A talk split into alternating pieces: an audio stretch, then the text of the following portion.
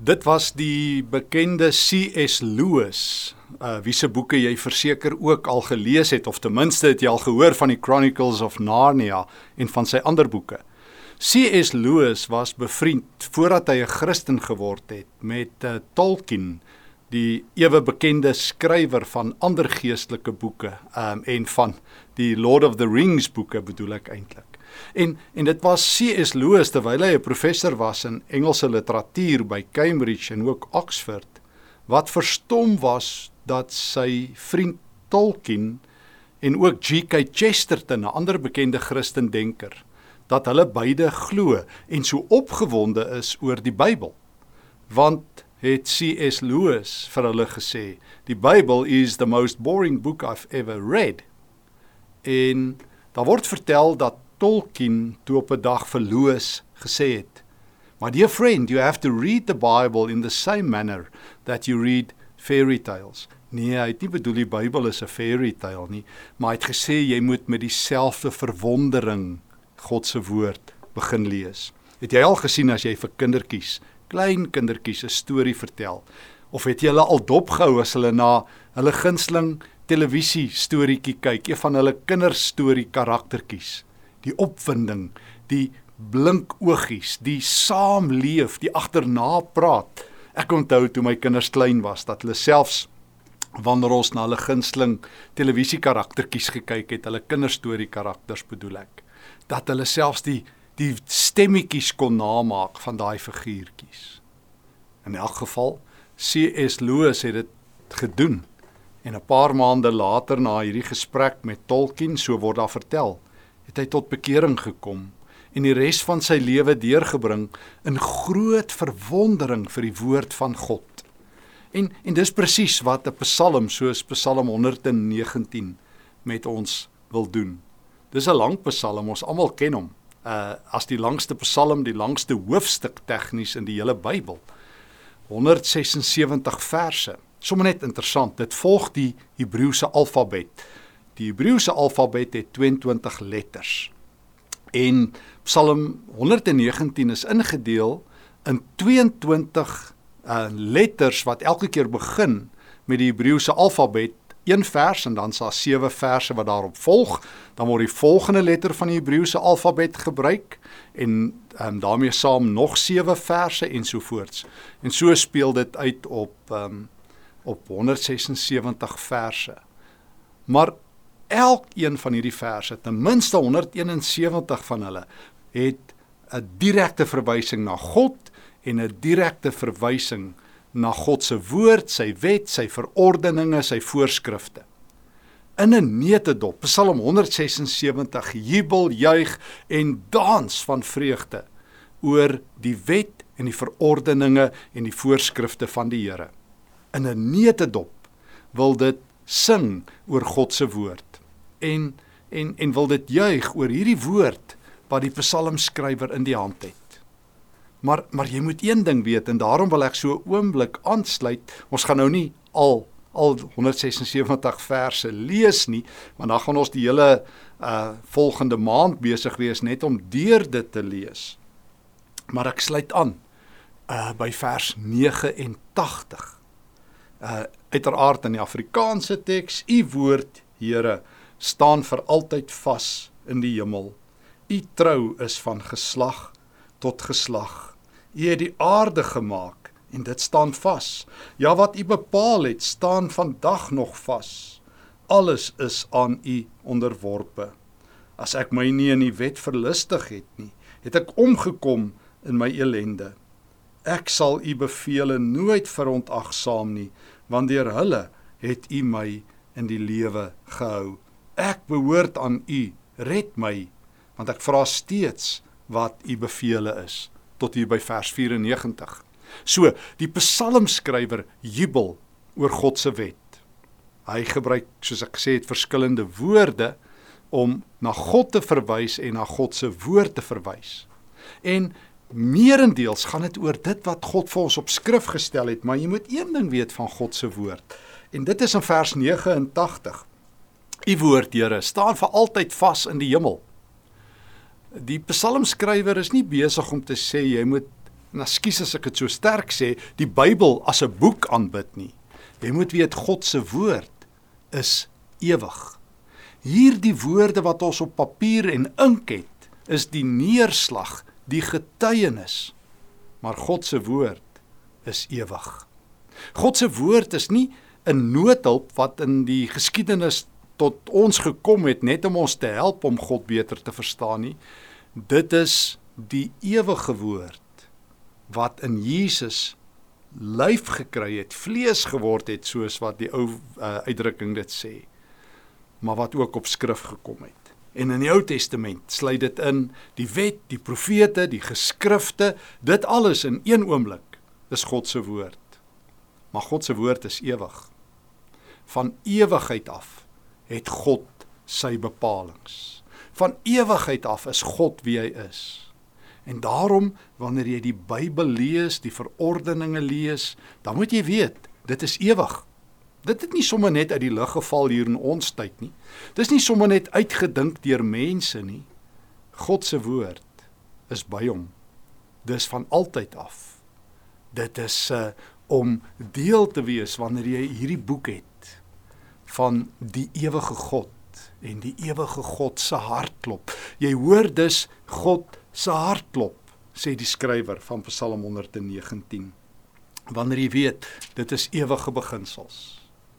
En daarom, wanneer ek wat tydelik is, wat hier en nou lewe, hierdie kort stukkie hier op aarde is, as ek hierdie woorde ignoreer, ongehoorsaam daar is, dan speel ek op ewige terrein.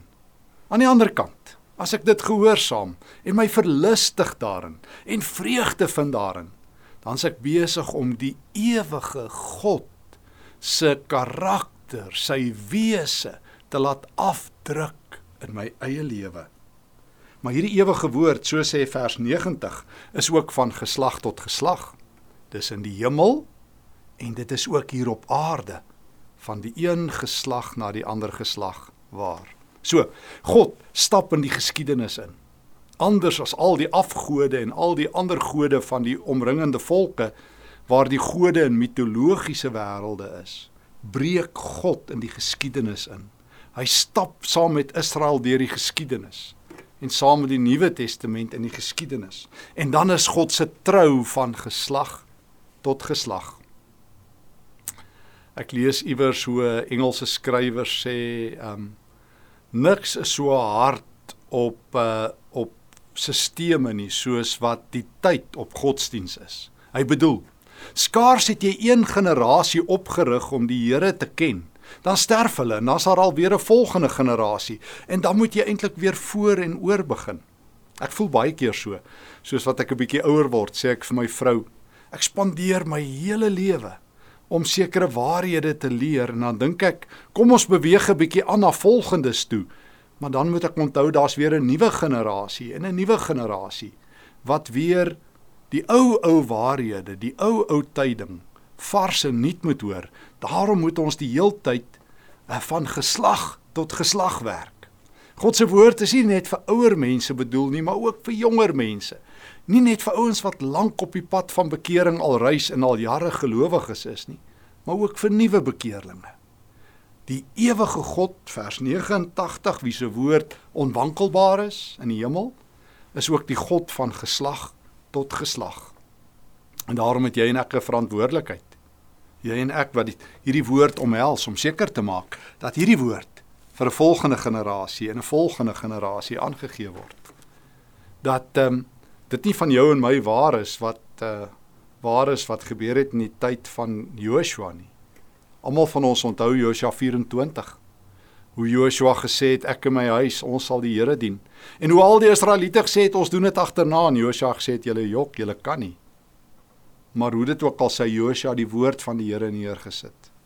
En dan lees ek van die skrikwekkendste woorde ooit in die hele Bybel, net in die volgende boek, die boek Rigters, hoofstuk 2 vers 10. Daar staan geskrywe Josua het gesterf en al die leiers van sy geslag het gesterf en die volgende generasie het nie die Here geken nie. Hulle het ook nie geweet van die groot dade wat hy gedoen het nie. Dit is moontlik dat saam met 'n klomp godsdienstige leiers en mense wat die Here liefhet, God se woord as te ware breek as hulle sterf. Dit het my nogal laat dink in die afgelope tyd. Een van my vriende het na die dag gesê, "Hoekom het so baie Christen leiers in die afgelope tyd gesterf? Wie gaan in hulle voetspore volg?" En dit het my diep geruk. Ek ken 'n klomp groot helde van die Here wat in die afgelope paar jaar dood is wêreldwyd en ook hier ter plaatse. En daarom gryp dit my in die hart. God se woord is ewig in die hemel. Amen. Presies. Maar wat van hier en nou? Dit moet van geslag tot geslag aangegee word. So my vraag aan myself en aan jou. Dis wonderlik om mooi dinge oor die Bybel te sê. Natuurlik, dis die woord van die Here. Dit is deur die Gees geïnspireer. Maar hy gaan dit voortbestaan. Gaan die woord afdruk op my kinders en my kleinkinders se lewe. Gaan ek so deursigtig wees met die Here. Gaan my liefde vir die skrif so duidelik wees dat dit uitlek. Dat ander mense sê, nee, dis nie 'n vervelige boek nie. Ons kan sien daardie pa van ons, daardie oupa van ons, daardie vriend van ons is so lief vir die Here. Hulle oë blink as hulle die Here se woord hoor. Want Psalm 119 vers 105: U woord is die lamp wat vir my die pad wys. Dis die lig vir my pad. Psalm 119 vers 103: Hoe aangenaam is u woord. Dit is soeter as heuning in my mond. Ek herinner my klompe jare gelede daar 1996 het ek en my uh, kollega en vriend Jan van der Walt uh, eie tydse vertaling van die Nuwe Testament gedoen, die boodskap. En um, ons dank die Here toe dit verskyn. Ons was nogal bang want dit was nogal 'n radikale vertaling. Maar hoe dit ook al sê, ek onthou die brief van 'n vrou wat vir ons skrywe dat haar man wat 'n um, harde ou was in die in die publieke lewe moeilike man, omgesukkelde ou, dat hy die boodskap gelees het. En toe kom hy dramaties tot bekering en sy sê vir ons: "Julle verstaan nie. Ek ken nie hierdie nuwe man van my nie. Vrydag aande het hy en die manne met die kanne in die hande gaan kuier. En dan het hy by die huis gekletter en stikkend aangekom. En dan was die hele naweek vir ons geruïneer want hy die hele naweek beet beter vriende gemaak met sy drankbottels as um, met ons. En toe begin hy die Here se woord ontdek. En nou sit my man Vrydag aand, hy het sy vriende gelos en hy lees God se woord. Hy sê, "Dan kom hy na my toe aangehardloop en hy sê, "Skat, kyk wat het ek gemis 'n lewe lank." Dan borrel God uit hom uit, God se genade. Ek onthou dit tot vandag toe. En ek wens ek kan so entoesiasties wees. Ek wens ek kan weer saam met CS Loos gaan sit en net opkyk en sê, "Here, hoe lief het ek U weet." U woord is die lamp. Here, almal hier rondom my verdwaal. Ek hoor elke tweede ou sê Suid-Afrika is nag en is moeilik, maar Here, u lig skyn oral rondom my. Dis die lamp wat vir my die pad wys, die lig vir my pad. Jy kan mos nie verdwaal as jy um, die regte GPS het nie.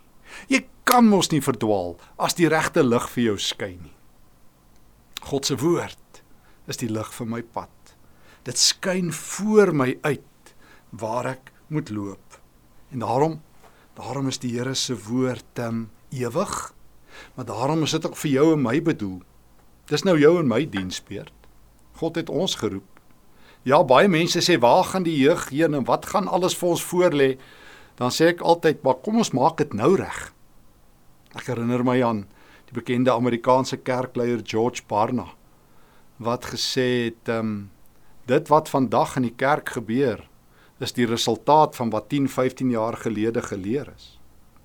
En ek herinner my aan 'n ander spreek wat ek dikwels vir mense sê: The day you plant the seed is not the day you eat the fruit. Die dag dat jy die saad plant, is nie die dag waarop jy die vrug eet nie. Die belegging van God se woord in my lewe, 'n lewe lank sal vrugte dra in die Here se wingerd op sy tyd. Maar maar ek moet seker maak dat op my diensbeurt ek en jy weer aangegryp is. Ja, God se woord is ewig. Ja, dis van geslag tot geslag. Maar ehm um, Vers 92 van Psalm 119. Here, ek, as ek my nie daarin verlustig nie, dan uh, sou ek omgekom het in my elende. Askies laat ek dit weer sê, maar dit lyk vir my of baie mense omkom in hulle elende nou in Suid-Afrika. En ek verstaan dit, dit is nie maklike tye nie, laat ek dit nie ligweg afmaak nie. Mense kry regtig swaar. Mense is regtig sonder hoop. As baie mense en dit ruk my hart as 'n jong mens vir my sê, Ek het niks om mee voor te lewe nie. Dis tawwe tye. Maar daarom juis in so 'n tyd wanneer die psalmskrywer Psalm 119 skrywe, hoor weer hierdie woorde van vers 92. As ek my nie in u wet verlustig het nie, het ek omgekom in my elende. So hier's die ding. Jy kan of in die donker bly sit of jy kan in die lig bly lewe. Waar is die lig? U woord wys vir my die pad. Ek verlustig my in u woorde. Vat die Here se woord en lees dit. Lees deur die Markus Evangelie, gaan sit net en lees die Filippense brief. Gaan sit net en lees deur Efesiërs of gaan lees deur Genesis. Lees net 'n boek en sit net daar en laat dit oor jou spoel en oor jou spoel. en verlustig jou in die Here se woord. Nee, jy moet dit nie lees. Hoor mooi, dit is wat die psalmskrywer van Psalm 119 oor en oor sê. Jy lees dit nie om jou gewete af te koop nie. Nie net as 'n plig nie. Ja, dit is 'n goeie dissipline, jy moet dit doen. Maar jy verlustig jou. En dan begin jy beleef vers 103. Hoe aangenaam is u woord. Soeter as honing in my mond. Ek onthou, en ek het dit al 'n paar keer vertel van een van die ou Joodse rabbies Wanneer sy studente by hom gekom het vir die eerste keer om die Torah, die die boeke van Moses te bestudeer, dan het hy 'n potjie heuning op die tafel neergesit. Dan moes elke student 'n lepel heuning eet. Dan het hy sekerlik vir hierdie vers gelees. Hoe aangenaam is u woord, soeter as heuning in die mond. Soeter as heuning in die mond die ewige woord van God, die geslag tot geslag woord van God, die woord wat vir my bedoel is, wat my lig is en my lewe is. Dit keer dat ek saam met al die dooie visse in die stroom wegdryf. Dit keer dat ek in die donkerte waarin baie mense is vasgeval word. Dit keer dat my hoop wegloop. Dit keer dat ek moet opgee want u woord is aangenaam. Wanneer laas iemand dit vir jou gesê die Bybel is aangenaam? Wel vandag gaan jy dit sê van vandag af as jy die woord hoor. Min woorde is aangenaam. God se woord is altyd aangenaam. Maar dit vra iets van jou. Dit vra iets van jou. Ek en dit sê die skrywer in vers 93, ek sal u beveel nooit verontagsaam nie, want hulle het my in die lewe gehou. Ja, kan al hierdie dinge oor die Bybel sê. Ek kan sê dis van ewigheid af, dis van geslag tot geslag, dis vir my bedoel, dis die lig vir my pad, ek het vreugde daarin. Maar as ek dit nie gehoorsaam nie, is alles te vergeefs. En daarom ek sal u beveel nooit verontagsaam nie. Uh vers 94 ek behoort aan u en ek sal vra wat is u beveel? Dit is nie moeilik om die Here te gehoorsaam nie. Ek meen hoe moeilik is dit om iemand terug lief te hê wat jou liefhet? Hoe moeilik is dit om die Here wie sy eie seun opgeoffer het, nie terug lief te hê nie. Die God van alle genade, die Vader van alle ontferming. Die Here wat vra, "Hê my terug lief soos wat ek jou liefhet, tot in die dood toe, tot in ewigheid toe." En daarom, Here, ek stel belang wat is u beveel. Ek stel nie net belang nie, ek is ywerig as ek in die oggend opstaan om te sê, Here, hoe liefhet ek u, vandag gaan ek u gehoorsaam. Ag en as ek U teleurstel, Here, sal ek dit bely met diep berou en ek sal om verskoning vra en opnuut begin. Want hoe lief het ek U wet. Hoe lief het ek U woorde. Nie net 'n klomp letters op papier nie, maar die woord van die Here wat deur die Gees van die Here geïnspireer is. Hoe lief het ek U woorde u woord wat vir ewig vas staan, u woord wat van geslag tot geslag bedoel is, u woord wat vir my geslag bedoel is, u woord wat maak dat ek dit gaan aangee vir 'n volgende generasie. Here, u woord is lig en lewe. U woord is heuning. U woord laat my hart klop. Ek sing en jubel daaroor. Maar Here, ek gaan nie gehoorsaam. Ek wil U gehoorsaam. Ek wil nie elke keer maar net sê hoe ek ongehoorsaam was nie, want lyk vir my dit het baie van ons gedoen. Ons het meer kere kan ons sê hoe, hoe ons nie aan God gehoorsaam is nie as andersom. Kan ek dit weer sê? Meer kere kan ons sê hoe ek nie gehoorsaam was nie as andersom. Dis nie goed nie. Ek meen as ek elke dag vir my vrou moet gaan vertel hoeveel keer ek haar nie lief gehad het nie en ek doen dit elke dag, gaan sy later aan wonder. Stefan, het jy my ooit enigsins lief? As ek net die hele dag vir die Here moet sê hoe ek sy gebooie oortree, gaan die Here sê, "My kind, het jy my enigsins lief?" Hoor daarom, ek behoort aan U vers 94. Ek vra wat is U beveel? Ek soek wat U beveel. Here, hoe kan ek U lief hê? Hoe kan ek U gehoorsaam op 'n miljoen maniere? En ehm um, daarom, daarom is hierdie skrywer so opgewonde. En daarom kan hy vers 102 sê van die bepalinge het ek nie afgewyk nie. U het dit my geleer. Nie 'n boek nie. U het dit vir my geleer. Daar het jy dit hierdie aangrypende psalm. Ons krap net die vernis so bietjie af vanaand en jy moet baie dieper ingaan vandag as jy dit verder lees vanaand of vanoggend of wanneer jy hierdie psalm lees. Gaan lees dit dieper maar hoor God se woord is ewig. Dis vir alle geslagte. Dis vir jou bedoel.